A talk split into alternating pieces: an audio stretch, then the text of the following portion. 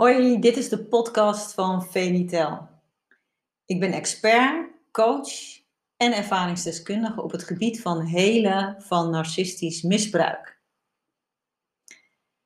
En in deze podcast-aflevering bespreek ik het kenmerk dat een narcist extreem bezitterig is. Ja, een narcist is iemand die je niet vrijlaat die heel vaak heel controlezuchtig is en die je ook voortdurend in de gaten houdt. Nou, hij, of het kan natuurlijk ook een zij zijn, die wordt er meestal niet erg blij van als je heel veel met andere mensen omgaat buiten hen. Nou, dit is niet iets wat je op het eerste gezicht merkt hè, bij een narcist. Dus het kenmerk ook van een narcist is dat hij altijd een masker draagt. En dat dat masker heel anders is dan het narcistische gedrag. Dus dat het masker juist vaak heel charmant, vriendelijk, zelfverzekerd is, aardig. Dus het kan juist wel zijn dat als je een narcist net ontmoet hebt, dat hij juist heel erg benadrukt hoe belangrijk hij het vindt dat jij vrij bent en dat jij met heel veel mensen omgaat. En dat hij ook absoluut niet jaloers is. Nou, een narcist kan zelf ook een enorme vrijbuiter zijn. En dan zou je verwachten dat als hij dat is en als hij daar zoveel prijs op stelt, dat hij dat dan ook uh, van jou zo kan waarderen als jij zo bent. Maar dat is dus niet het geval, want de narcist die wil zelf zo vrij en vrij mogelijk zijn, maar ook zich zo onverantwoordelijk mogelijk gedragen. Dat zal hij nooit zeggen, maar dat is wel zo. Maar die eist van een ander absolute toewijding. En die willen ook vaak tekst en uitleg wat jij dan allemaal doet en wat jij allemaal uitspookt zonder hem. Ook al spook je niet wat uit, weet je wel, doe je gewoon je dingen. Maar hij kan altijd wantrouwig zijn. Nou, als je te maken hebt met een verborgen narcist, dus een narcist die veel onzekerder is en waar je van de buitenkant niet direct ziet dat het een narcist is, alleen maar in de relatie zelf, dan is dat bezitterige gedrag is nog moeilijker om te zien. Kijk, dat weer in tegenstelling tot een openlijke, meer extraverte narcist. Hè? De narcist die veel meer bekend staat als de narcist, die komt er vaak eerder vooruit. Die is ook niet zo bang om een, een buil te vallen of zo. Of uh, die is niet zo super uh, bang voor zijn imago. Uh, ja, die heeft het idee dat hij dat die niet, niet te pakken is of zo. Dus daar is het veel zichtbaarder. Maar een verborgen narcist kan juist die extreme jaloezie en bezitterigheid heel, heel subtiel camoufleren.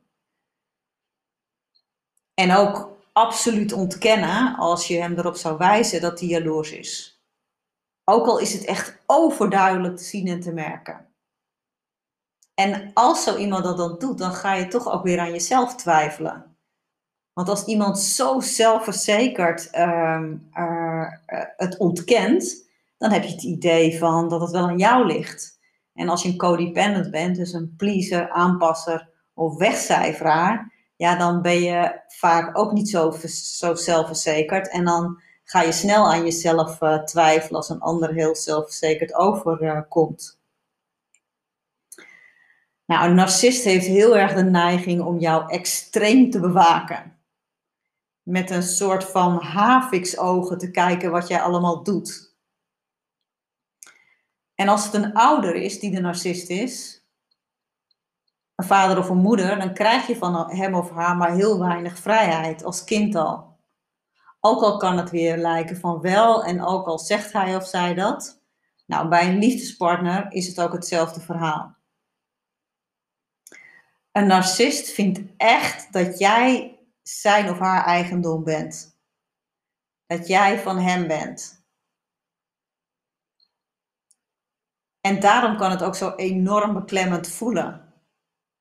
En zo verwarrend.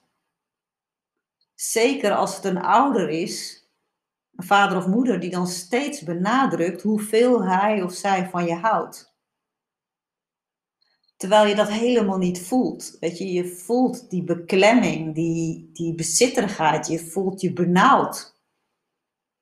Maar ergens kan je ook niet voorstellen dat je ouder niet echt van je houdt. Dus dan krijg je vaak weer die verwarring bij jezelf. Dat je denkt dat het aan jezelf ligt. Dat jij dat blijkbaar niet kunt waarnemen. Of dat je ondankbaar bent of wat dan ook. En soms kun je die bezitterigheid, die extreme bezitterigheid, die jaloezie ook nog opvatten als liefde. Dat diegene dan wel extreem veel van jou moet houden. En dat je dus ook extreem begerenswaardig bent.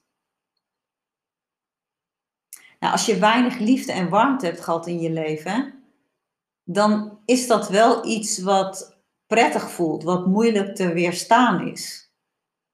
Omdat je al zo weinig gehad hebt, is ja, dan vat je die, die, uh, die uh, beklemming op eigenlijk als een soort van liefde.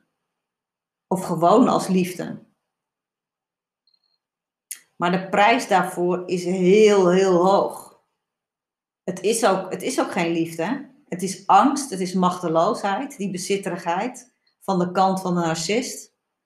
Het is echt geen liefde, want liefde is iets wat vrij voelt. Als iemand echt liefdevol naar je toe is, dan laat hij je echt vrij. Niet alleen maar in wat hij zegt, maar wat hij doet. Kijk dus ook altijd naar wat de narcist doet en niet wat hij zegt. En ook al zegt hij iets super daadkrachtig, het zijn maar woorden.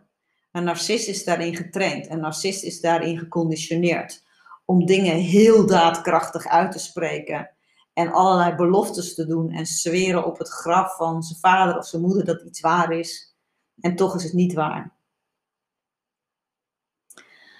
Nou, als je dit patroon herkent, hè, en je hebt het idee van, nou ja, dat je met een narcist te maken hebt, of dat nou je partner is, of je ouder, of wie maar ook, en je hebt daar last van, dan nodig, nodig ik je uit om een kijkje te nemen op mijn website www.venitel.nl. Daar kun je ook gratis een zevendaagse mini-cursus aanvragen, waarmee je kunt gaan helen. Nou, vond je dit een waardevolle podcast? Abonneer dan even, dan krijg je ook direct een melding als er een nieuwe podcast klaar staat. Ik kan het ook heel erg waarderen als je een like geeft of een opmerking maakt. Ik zie je heel graag weer bij een volgende podcast. Doeg!